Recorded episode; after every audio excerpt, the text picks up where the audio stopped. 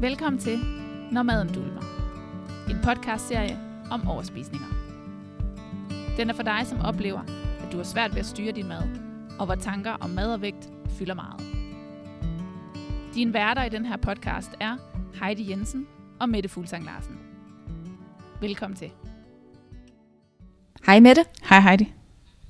Så er vi tilbage med endnu en episode af Når maden dulmer. Nu er vi kommet på den anden side af sommerferien, og øh, mange er begyndt på arbejde eller studie igen, og øh, mange oplever dermed måske en fornyet energi, og, øh, og klar på at komme tilbage til hverdagen igen efter en sommerferie, der måske har budt på ekstra grillmad, lidt ekstra snacks, mere alkohol og flere is end normalt. Det har undervejs måske været okay at give lidt slip på restriktionerne, men det kan også føre til en del bekymringer og negative tanker om ens egen krop, og der kan komme en form for efterreaktion på, at man har slippet kontrollen i en periode. Hvis du har brug for værktøjer og inspiration til at arbejde med de her tanker, så kan du hoppe ind på vores hjemmeside og se vores gratis online foredrag. Hjemmesiden hedder mettefuglesanglarsen.dk. Her fortæller vi mere om, hvordan du får ændret dine tanker, og du får tre konkrete steps til, hvordan du begynder at arbejde med det allerede i dag. Men det kan være en udfordring at komme tilbage her efter sommerferien. Og Mette, du stillede et spørgsmål ind på Instagram den anden dag, som lød på, hvad er din største udfordring hen over sommeren? Hvad svarede folk til det? Ja, det, det gjorde der var faktisk en del af svaret. Øhm, og mange af dem var jo, altså, hvad kan man sige, meget, meget lige hinanden, ikke? Men det, var, øh, det folk svarede var faktisk øh, rigtig meget det her med, øh, altså at rutinerne, de ændrede sig, så de mistede ligesom deres sådan vante rutiner, de var, de, hvor de var vant til som, hvad kan man sige, hvor, hvor maden jo også passede ind i, så var det det her med, at der var mere sådan alkohol og hygge og spisning af chips og snacks og sådan noget indover, øh, som også var et problem. Øh, så var det det her med is, gik også igen, altså når det var varmt eller luner, eller det hele taget bare stemningen, den indbød på en eller anden måde øh, lidt mere sådan til, til is. Øh, og så var det øh, det her med at, øh, hvad kan man sige, det hele taget ikke tænke så meget over, hvad det er, man, øh, man spiser. Øh, blandt andet også det her med sociale sammenhæng, hvor man for eksempel er ude og spise og sådan noget. Så det er meget sådan de samme altså, hygge, hyggestunder, som også går igen, hvor man får, får spist noget mere med, øh, med både med alkohol og med, med snacks og med is og alle sådan nogle ting. Og Så, så øh, vi har selvfølgelig, som vi plejer, taget udgangspunkt i Rikke. og så har vi øh, fået besøg af Louise, eller i hvert fald, øh, hvad hedder sådan noget, i, hvad hedder sådan noget øh, en fantasi Louise også i dag, så vi har ja. to personer, men vi starter lige med Rikke, hvordan hendes sommerfasen har set ud. Og det er ikke fordi, at de her to eksempler er sådan endegyldige svar på, at enten ser ud på den ene måde eller den anden måde, men det er bare for at prøve at give et eksempel på, at der er jo mange forskellige måder, det her det kan se ud på, og det her det er måske nogle af dem, vi i hvert fald sådan hører eller oplever øh, mest, eller måske også selv har oplevet for den sags skyld. Men man kan sige, hen over sommeren, så, øh, så for Rikke har det, har det handlet rigtig meget om det her med at skulle hygge sig. Øh, så hun har øh, givet slip på alle de her restriktioner, alle de her tanker om mad. Så hun har, øh, hvad hedder det, ikke tænkt så meget over, hvad hun spiste. Hun har spist ekstra snacks hver dag, og måske har hun også de fleste dage sådan fået lidt vin til maden, og eller i hvert fald lidt, lidt alkohol af en eller anden art, for sådan at sidde og hygge sig og kunne slappe af. Øh, der har også været nogle flere is indenbords og sådan noget, uden hun nødvendigvis lige har tænkt over det. Øh, det kan være, hun har spist det sammen med familien eller veninderne eller et eller andet. Øh, og så i hele taget det her med, at der har været sådan mange aktiviteter, altså mange sociale ting, øh, og generelt sådan mange planer øh, øh, i, hendes, øh, i hendes sommerferie. Øh, enten har det været sociale planer med veninderne, eller så kan det jo have været øh, hvad kan man sige, sociale aktiviteter i forhold til, til børn og familie. Man skal se en masse mennesker, og man skal ud og lave noget, og hvis børnene skal underholde, så skal man jo øh, have nogle planer for, hvad man skal stort set de fleste dage, eller det, altså sådan mange forskellige ting, kan det, hvad hedder det, hvordan det kan se ud på, men i hvert fald fællesnævnerne er det her med, at der har været rigtig mange øh, sociale ting og rigtig mange øh, planer. Og så øh, har ferien heller ikke budt på sådan særlig meget motion og bevægelse. Det har ligesom Øh, været nedprioriteret. Nu har hun ligesom holdt ferie, og så har hun også holdt ferie for det. Øhm, og i det hele taget ikke rigtig tænker så meget over, hvad det er, der bliver spist. Øhm, og at sommerferien også har budt på, at så er det på en eller anden måde også lovligt at spise alle sine livretter. Alle dem, der man ikke nødvendigvis lige må få til hverdagen. Øh, og oven i det kan det jo også være, at der stod sådan på ekstra grillmad, eller fast food, eller morgen har man måske fået rundstykker, og øh, det kan også være, der er røget sådan mere, flere tips, og mere slik, og mere sodavand ned. Øh, og i det hele taget sådan det her med ikke at tænke så meget over mængderne, fordi nu er det jo altså ferie. Øh, og det samme også under de her sociale arrangementer kan det også være svært, øh, når der bliver serveret noget, og man sidder sammen med andre, øh, og, og forholde sig til, at jeg er mæt, er mere sulten, så, så man spiser ligesom det, der er, og, øh, og spiser måske også lidt mere, fordi det er, det er hyggeligt. Ikke? Øhm, og så er der også det her med at være ude at rejse, øh, eller i hvert fald på ferie sådan i det hele taget, at, at der måske også mere, der handler om at gå ud og spise på restauranter, øh, hvor man også kan have en tendens til i hvert fald at komme til at spise mere, end man plejer, og måske vælger man også oven i øh, hovedretten, og måske også der oven i både forretten og hovedretten, og også en dessert, uden sådan egentlig at forholde sig til, om, om, øh, om man kan spise den. Så der er sådan blevet godt, altså Rikke har givet godt gas hen over sommeren, og ligesom sluppet øh, kravene og restriktionerne til sig selv. Ja, og så, øh, så tager jeg jo lige Louise her, og det, øh, det er ikke helt tilfældigt, fordi det er nok hende, jeg kunne spejle mig mest i, så det var hende, jeg ligesom tænkte, at, øh, at det var bedst, jeg tog Øhm, fordi det, det var virkelig sådan, jeg havde det. Fordi det er mere det der med, at øh, hun giver ikke slip det øjeblik, der er ferie. Det er som om, at hun nærmest bliver mere anspændt. Altså fordi nu ryger alle rutiner, alt det trygge. Så det, det skaber virkelig sådan en frustration over de manglende rutiner, og hele tiden forsøger at, at beholde kontrollen.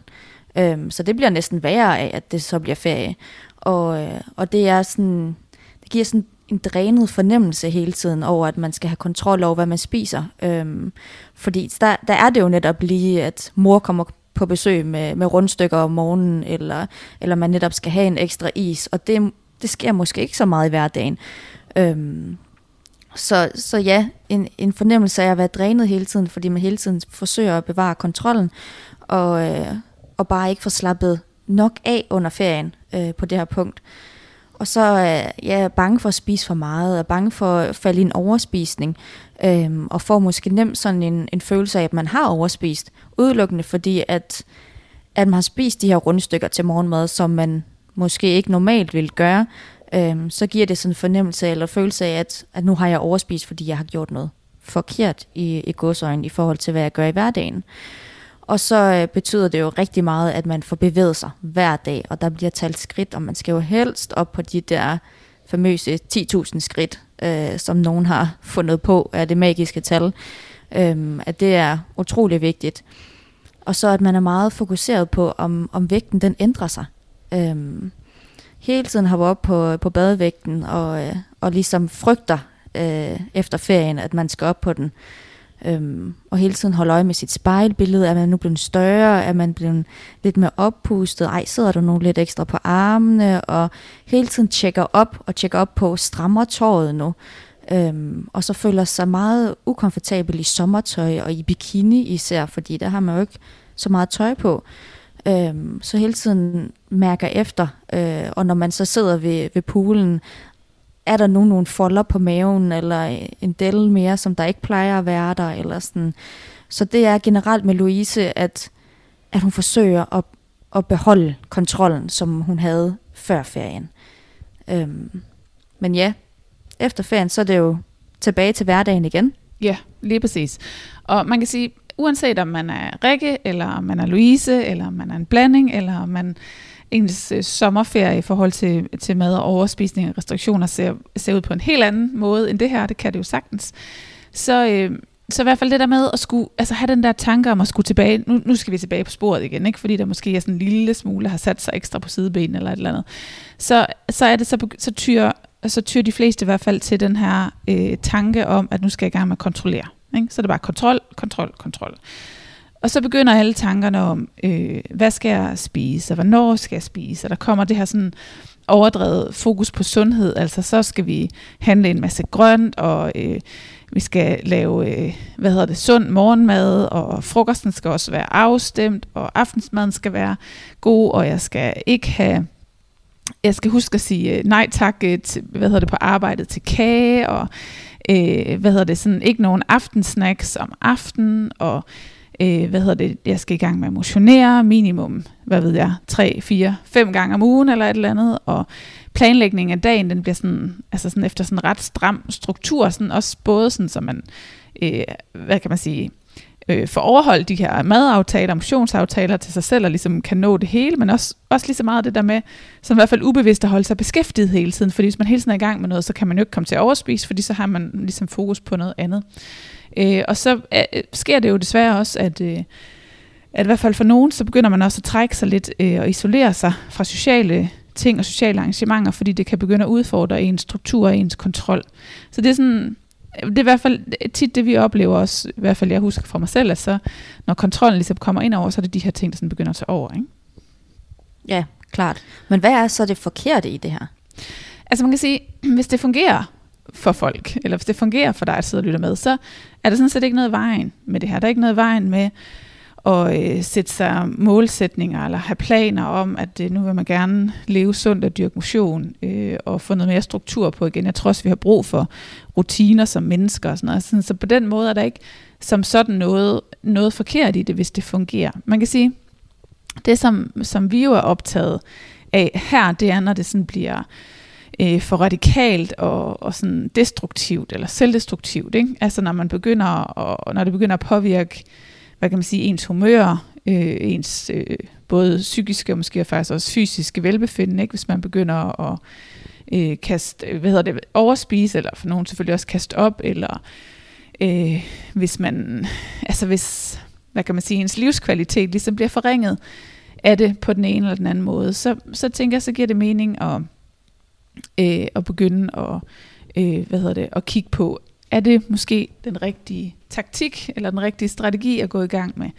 Øh, fordi i hvert fald der, hvor det begynder at lede til overspisning, handler jo rigtig tit om det her med, at vi har nogle forventninger øh, til sig selv, som bliver urealistiske. Altså det simpelthen bliver urealistisk at opretholde de, øh, øh, hvad kan man sige, de bliver... Øh, øh, aftaler, eller de forventninger, hvad, hvad hedder sådan noget, de tanker, man har om, hvad man skal spise, eller hvor meget man skal motionere, eller hvornår man skal nå det, eller et eller andet, at de simpelthen bliver urealistiske, fordi sådan, altså, fun, livet fungerer ikke så stringent, for eksempel. Det kan også være det der med, at man mister fornemmelsen til sig selv, altså at man bliver så, øh, så yderfokuseret på, at nu skal jeg spise det her, at man, øh, og nu skal jeg træne på den her måde, og nu skal jeg nå de her ting inden for den her, øh, den her, det her tidsrum og sådan noget, at man, at man simpelthen helt mister fornemmelsen til, øh, til sin egen mavefornemmelse, og hvem er jeg, og hvad har jeg egentlig lyst til, og sådan noget. Øh, kan også være det der med, at man får de der sådan selvbebrejdende øh, tanker, øh, at, hvad kan man sige, øh, at, at nu har jeg ikke sådan overholdt de der aftaler med mig selv, om hvad jeg skulle spise, for eksempel hvis man falder i, at, øh, at så begynder man at, at blive, øh, hvad hedder det, at bebrejde sig selv, ikke? Det kan også være det der med, som vi snakkede, eller som jeg nævnte lige før, med at man begynder at isolere sig fra andre, eller man mister overskud af energi i det hele taget, og, øh, og det der med, at man sådan, altså i det hele taget får presset sig selv rigtig meget. Og det er jo de her ting, som, som leder til overspisninger, og man kan sige, overspisninger, det er jo det, er jo det der sådan bliver fikset, når vi ikke kan klare øh, livet øh, på en naturlig måde, så er det jo overspisning, eller det, i hvert fald den her dulme-mekanisme, undskyld, som går ind og tager over. Ikke? Øhm, så, så det er jo i hvert fald der, vi bliver sådan meget opmærksom på, at så kan det godt være, at det er sådan en anden strategi, øh, man, skal, man skal ind og, og vælge, fordi det simpelthen lever, altså fører til mistrivsel og dårlig selvværd, og det hele taget sådan den her selvdestruktive adfærd. Ikke? Øhm, ja. Ja. Må man så ikke have fokus på at spise sundt igen og få rutinerne tilbage? Jo, altså endelig, det må man gerne. Øh, man må gerne, øh, man må rigtig gerne have fokus på at altså spise øh, sundt og bevæge sig og sådan noget. Men, men hele humlen er jo det her med, at når det går hen og bliver alt eller intet, eller sort og hvid, så, så får vi de her indre ubalancer, som gør, at vi ender i overspisninger, eller, eller alle mulige andre dulme-mekanismer for den sags skyld. Så, så det handler jo om det her med at lære at finde en balance i det, øh, og, og lære at øh, hvad hedder det, hvad kan man sige, lytte efter i sig selv, holde fast i sig selv undervejs, lære at mærke efter i sin egen krop undervejs, og øh, det her med også at lære at altså nyde ting undervejs, så man ikke hele tiden bare skal yde og yde og yde, men faktisk også have noget tid til at nyde og være i nuet og slappe af og sådan alle de her ting. Også stadigvæk have fokus på at kunne, altså kunne hygge sig i sociale relationer, uden at det ligesom vælter læsset øh, for, om man føler, at man mister kontrollen eller ej. Ikke? Men hvilken strategi skal man så benytte sig af, hvis man gerne vil undgå den her sort-hvid tænkning, der kommer øh, til at styre ens liv, når man kommer tilbage efter ferien? Altså, man kan sige først og fremmest, så, så handler det jo om at få arbejdet sig ud af sine overspisninger, eller det her sådan meget kontrolleret mønster. Og, og det er, altså vi har sagt det mange gange, men det er ikke sådan et, øh, det er ikke sådan et eller andet øh, tre uger og så tilbage på sporet igen. Det er ligesom sådan en tålmodigheds, Ej, det, er det er sådan en tålmodighedsproces, øh, hvor, hvor det altså kræver, at man, at man tør kigge lidt mere langsigtet. Ikke? Øh, og det der med, at det ikke nødvendigvis skal være nu, at, at man når øh, i mål, men at man ligesom tør at sige, okay, måske så tager det tre måneder, måske tager det seks måneder, måske tager det et år. Altså, men, men ligesom for, hvad kan man sige, øh, bearbejde så den grundlæggende årsag til, at man, øh, at man har svært ved at, at styre sin mad. Ikke? Og så handler det jo, hvad kan man sige, først og fremmest om at lære at altså, have sig selv med undervejs. Det er jo simpelthen alfa omega.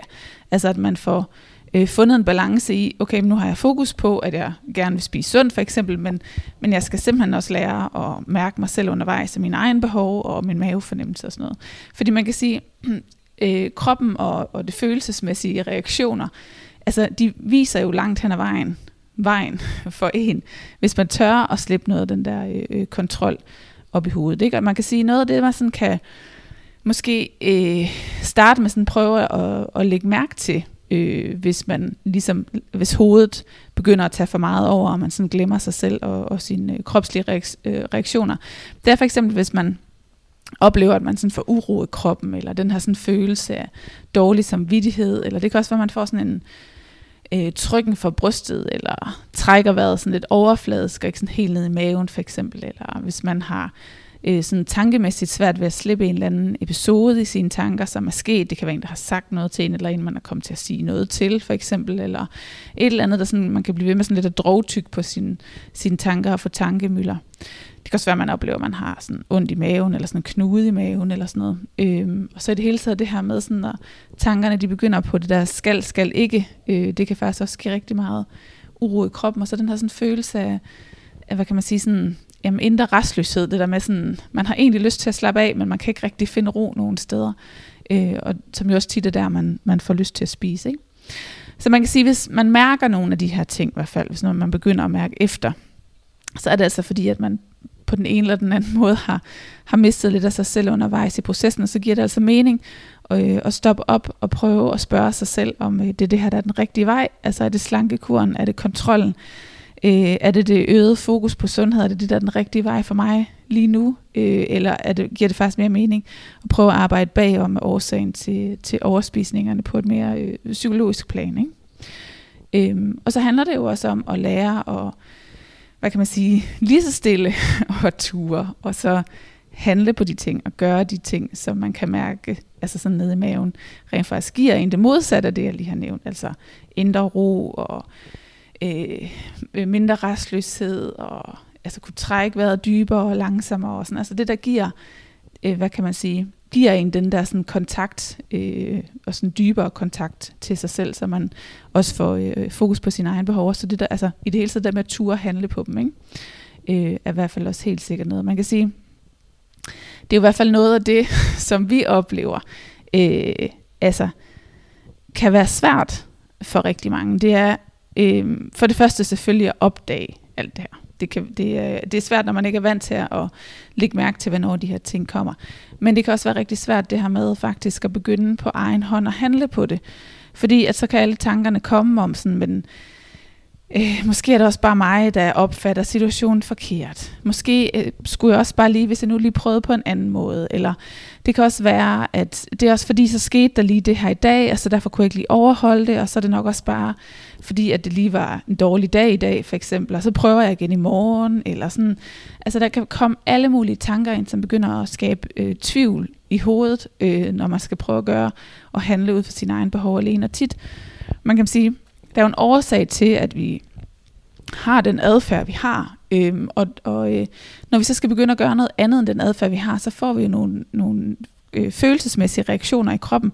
Og, og de kan godt være svære at stå med alene, fordi, der, fordi hvad kan man sige, det er jo de følelser, vi flygter fra.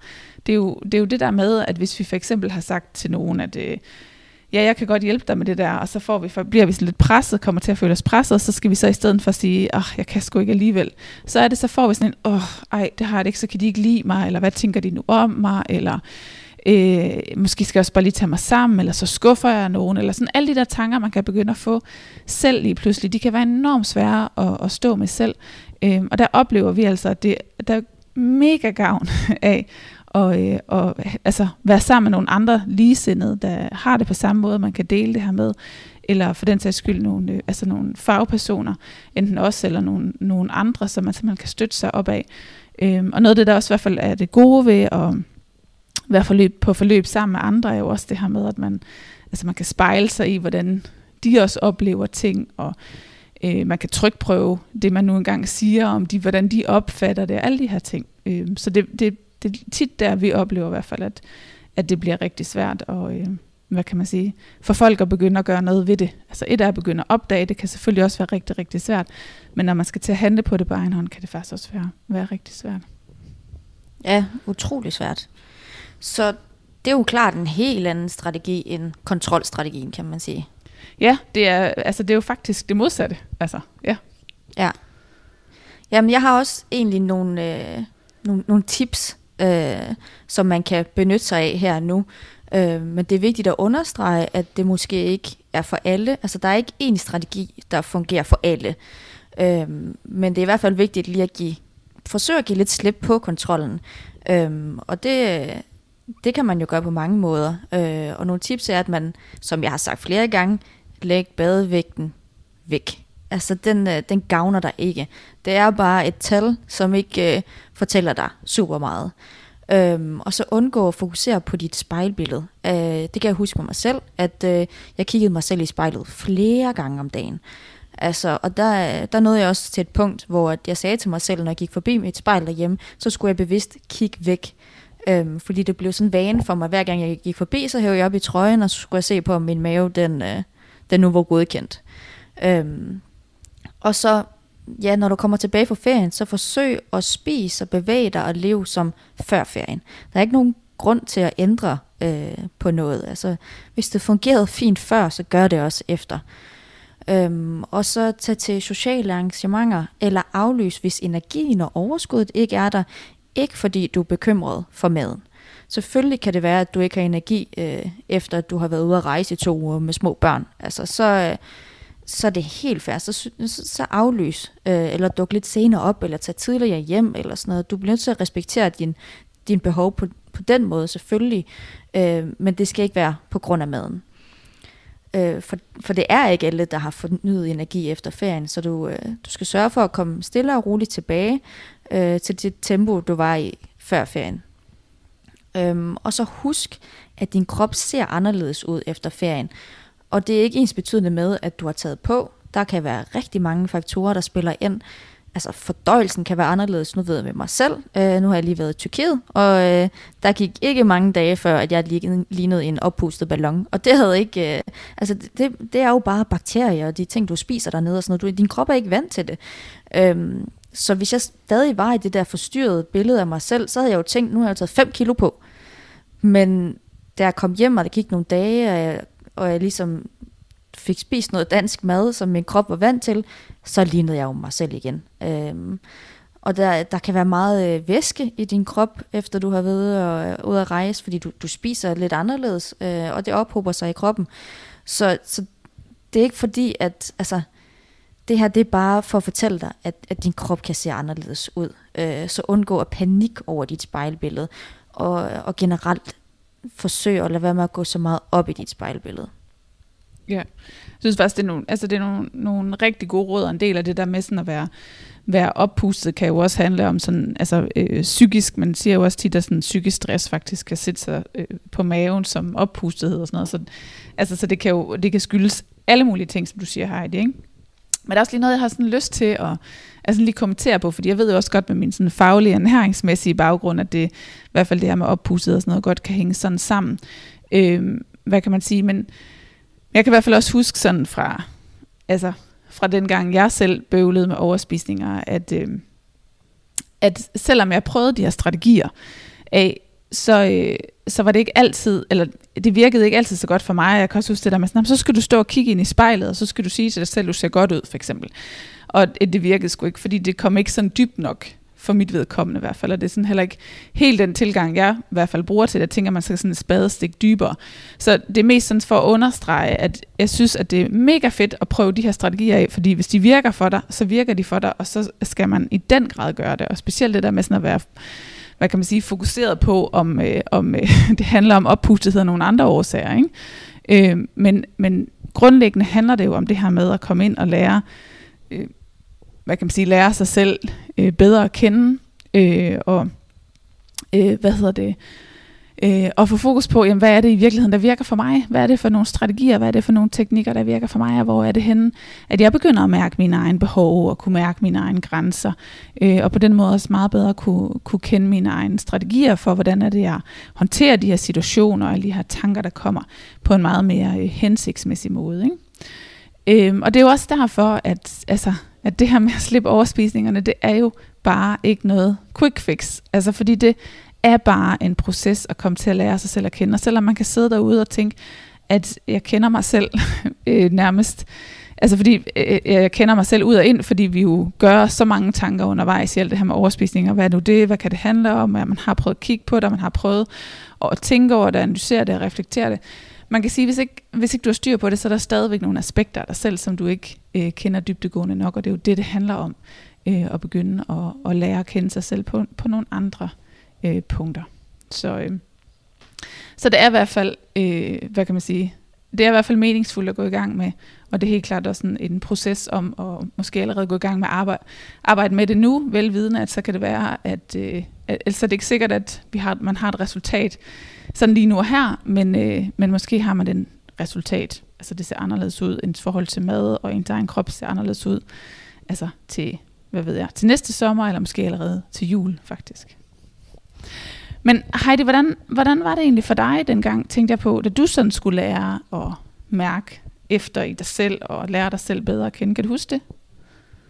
Jamen, det, det, det kan jeg helt klart øh, huske. Øhm, særligt sådan i starten, da jeg, da jeg lærte dig at kende, og fik at vide, at øh, jeg skulle mærke efter, og jeg skulle øh, respektere min egen behov, og begynde at gå efter det, der var jeg da, altså, jeg gik næsten i panik, og jeg var så fortvivlet. Jeg, jeg kunne slet ikke forstå, hvordan, hvordan man gjorde det. Det var jeg jo slet ikke vant til. Altså, øh, og derfor så snakkede jeg jo også med folk omkring mig, altså sådan, føler I ikke, at jeg respekterer mine behov? Hvad, hvad tænker I om mig? Hvad, hvad ser I? Fordi at jeg var så vant til at tænke på andres behov. Det lå så dybt i mig, at jeg knap nok vidste, at det var det, jeg gjorde, fordi det var så stor en del af mig.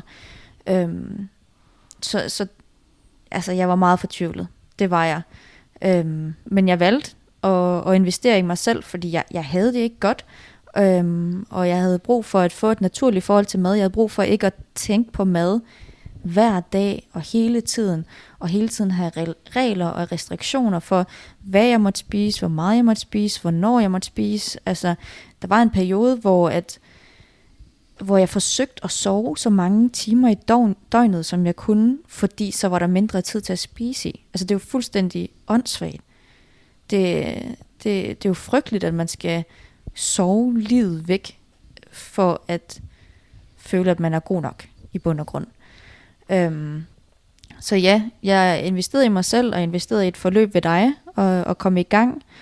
Og, øh, og så kan jeg altså, jeg, var, jeg, jeg var stadigvæk lige så fortvivlet, men jeg, men jeg havde jo dig ved min side, og det var det, der gjorde, at, at jeg kunne blive ved, fordi at jeg var højst sandsynlig, altså jeg, jeg var nok, jeg havde nok givet op, det havde jeg, fordi det er øh, hårdt arbejde, og jeg havde det, jeg havde det rigtig, rigtig skidt, øh, og det styrede mit liv, så derfor var det jo ekstra meget arbejde, der skulle lægges i det, øhm, og det lå bare ikke naturligt til mig. Øh, så jeg kan huske en af de redskaber, du, du gav mig, til sådan at mærke min krop, fordi jeg var så, mit hoved og min krop var fuldstændig adskilt fra hinanden. Øh, alting foregik om i mit hoved. Jeg anede ikke, hvad der foregik nede i kroppen. Så øh, jeg havde sådan trykken for brystet øh, hele tiden.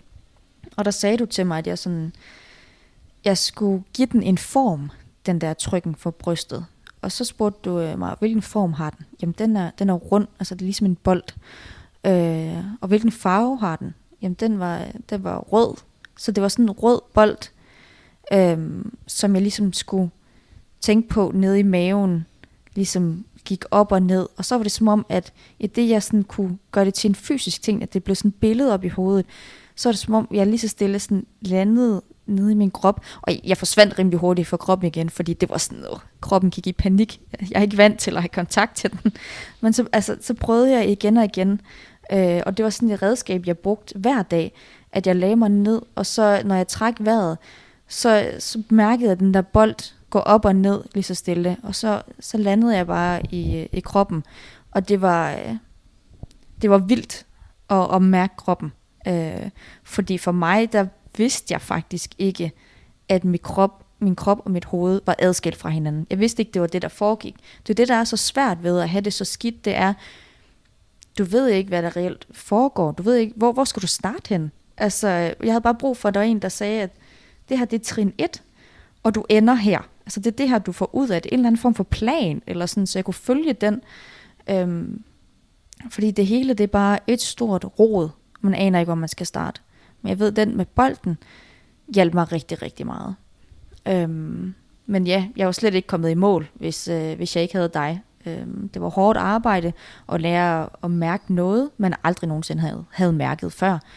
Øh, og jeg skreg meget, for ligesom at, at komme ud med alt det, var, alt det, der var ophobet op i mig. Altså, øh, så jeg skreg, og jeg slog i puder, og jeg græd, øh, fordi jeg var så øh, nærmest følelseskold.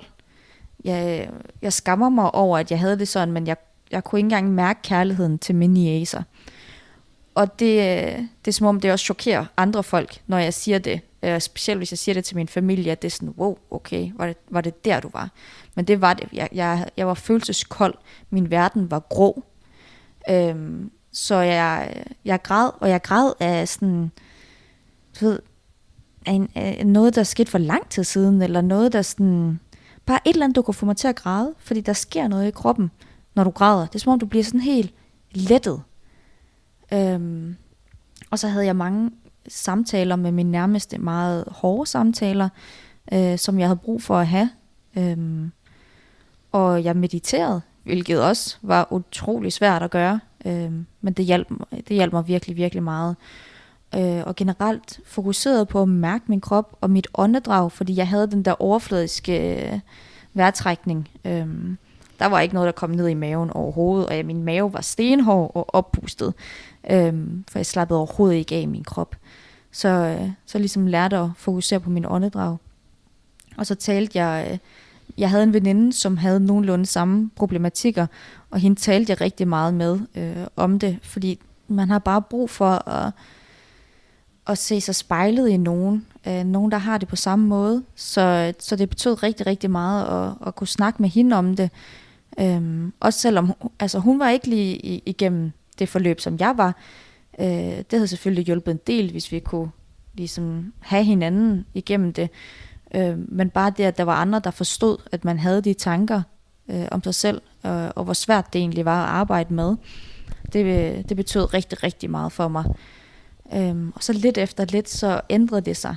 Øhm, det, var ikke, det er ikke noget quick fix, det er en langtidsinvestering, men tro mig, jeg er lykkelig for, at jeg tog den beslutning. Det er vidderligt mit livs bedste beslutning. Altså det, det kan jeg sige med hånden på hjertet. Det var en investering i mig selv, og det gjorde, at jeg kom ud på den anden side og mærkede livet, og mærkede øh, kærlighed og omsorg for min nærmeste, og ja, det var bare som om, at verden fik farver igen. Mm. Det, Et smukt billede, ja. ja. Ja, det er det nemlig. Jeg kom lige på det. Altså ja. det der med at leve i en grå verden før, og så var det som om verden fik farver igen. Det, det er vidderligt den, den følelse, man får. Øhm, og så lige her til sidst, så, så jeg kom på en ny øh, lille strategi, når jeg kan mærke, at jeg begynder at komme op i mit hoved. Øh, og den er lidt, øh, lidt speciel, øh, og jeg gør det ikke lige foran andre, men jeg, jeg slår mig på brystet. Mm. Øhm, ikke det, det der hedder tapping? Øh, jo, det kan godt være. Jeg, jeg, har, jeg har ikke sådan... Jeg har, godt, jeg har set det i film, når der var nogen, der gjorde det, og jeg mm. tænkte, at det ser lidt sjovt ud. Øhm, for det, det ser lidt skørt ud. Så, det, så jeg gør det sådan, når jeg sidder med mig selv og ser fjernsyn, og kan mærke, uh, nu, nu fokuserer du ikke engang på det, du ser i fjernsyn. Det er bare tanker, et tankespind. Altså, du kører bare rundt i bekymringer, og du trækker ikke vejret ordentligt, du er anspændt. Så, så slår jeg sådan mig selv på brystet, og så er det som om, puh, så kommer der blod ned i kroppen nærmest. Ja. Øhm. Og fokus, fokus på kroppen også, ikke? Ja, altså det kommer ud af hovedet, og så får du automatisk fokus på der, hvor det begynder at prikke, eller hvor du rører. Ikke? Ja. ja. ja. Ja, jeg tror ikke det på, at det kan stå alene, men jeg tror, at det er en rigtig god måde, og, og som du siger, så kommer der faktisk blod ned og ud i hele kroppen, ikke? Ja, ja, jamen, ja, nej, jeg tror da slet ikke, det kan stå alene. Det er sådan en øh, sådan akut strategi, ja, man lige tror, det øh, kan have. Ja. ja, det gør det virkelig. Ja. Og, øhm, jeg har det også med, hvis jeg går forbi folk, som jeg kan mærke sådan, kigger rigtig meget på mig, så niver jeg mig selv sådan i fingeren, eller sådan, fordi så, så mærker jeg min, med min krop, altså fordi, at jeg har det med, at, at så kommer jeg op i hovedet, og bliver sådan helt, øh, altså øh, selvbevidst. Ja.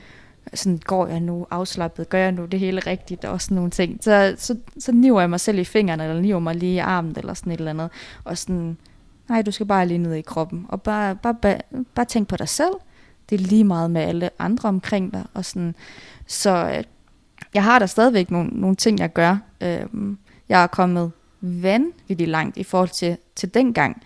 Øh, men der er der stadigvæk nogle ting i mig, og jeg ved ikke, om det nogensinde forsvinder. Øh, men, øh, men det er fedt at have nogle strategier til, når, når du begynder at komme op i hovedet igen, så knips, så kommer du ned i kroppen. Hvor før, der var det som om, at, at du blev hævet op i hovedet hele tiden.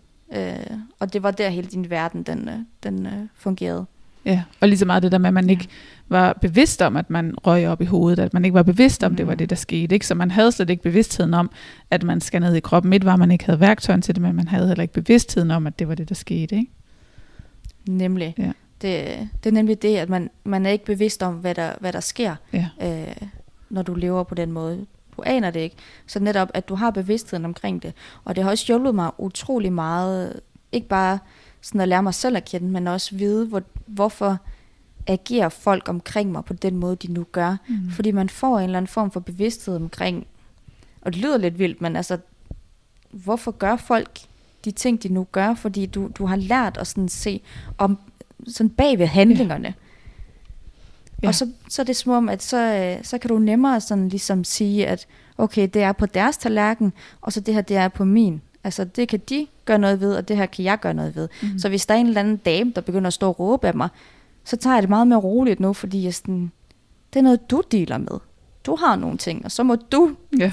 tage den uh, beslutning om at investere i dig selv, hvis du skal ud af det. Men altså, jeg, jeg er på min side, og det, jeg kan ikke gøre noget ved, at du råber. Du må have et eller andet selv. Og det, det giver bare en eller anden ro, og førhen kunne jeg blive sådan, hvad har jeg nu gjort forkert?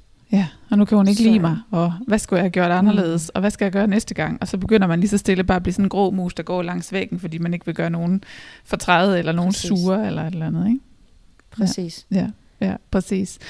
Jeg, jeg tænker sådan, lige inden vi sådan også skal efter, efterhånden til at, at runde af, men, men jeg tænker sådan lige, altså, hvis, altså nu handlede det jo egentlig om, hvad, man, hvad det var efter sommerferien, hvis man gerne ville i gang med, eller den der med, så går mange i gang med den der sådan kontrol til. Hvis man skal prøve noget andet den her gang, så, så tror jeg, at, altså lidt i forlængelse af det, du siger, at jeg tænker, også det vi har snakket om, selvfølgelig i løbet af, af det her, altså det der med at prøve at gå i gang med at blive bevidst om, hvad er det faktisk for nogle reaktioner, du får i din krop? Altså begynde at blive bevidst om, om kroppen, hvad, hvad den siger til dig. Hvornår får du ondt i maven? Hvornår begynder der at komme dårlig samvittighed ind over, som giver en uro i kroppen? Hvornår er det, du bliver restløs? Altså sådan, så du begynder at få en bevidsthed om, hvad er det faktisk, der sker nede i kroppen, så det ikke altid kun foregår op i hovedet alting, ikke? Men, men simpelthen begynder at få koblet mere og mere det her. Måske bruge nogle af de ting, som Heidi har fortalt i forhold til, hvad hun gør, og hvordan hun bruger, altså eventuelt det der med, med bolden og visualiseringen, eller det der med tapping, eller hvad det nu kan være, et eller andet. Ikke? Så man begynder lige så stille at, at, at få en opmærksomhed på, okay, men jeg kunne godt mærke, at altså, der skete faktisk et eller andet, da jeg, da jeg skulle på arbejde, så blev jeg faktisk nervøs, for eksempel. Så begyndte jeg at ryste lidt. Ikke? Okay, men så er det jo det. Eller så begyndte jeg at få tankemøller, for eksempel, da jeg skulle på arbejde. Eller øh, første dag øh, på, øh, hvad ved jeg, på et nyt studie eller et eller andet. Ikke? Og der kunne jeg også godt mærke, at puh, der kom også rigtig mange tanker om, hvordan ser jeg ud, eller min mave, eller hvad det nu kan være. Sådan, så man begynder sådan at få en, en fornemmelse af, hvornår er det, der begynder at ske noget, hvornår er det, jeg bliver urolig i kroppen, hvornår det begynder at sidre, hvornår bliver jeg restløs, hvornår øh, taler jeg hurtigere, eller hvad det nu kan være. Men simpelthen bare begynder at få en bevidsthed, fordi bevidsthed er første skridt til at, at ændre på det. Ikke? Og så er det jo de situationer, hvor tingene opstår, ikke nødvendigvis sådan først, når du overspiser, men i de situationer, du går igennem i løbet af din dag, det, det er der, du skal begynde at sætte ind og prøve at gøre noget andet. Ikke? Ja, præcis. Ja.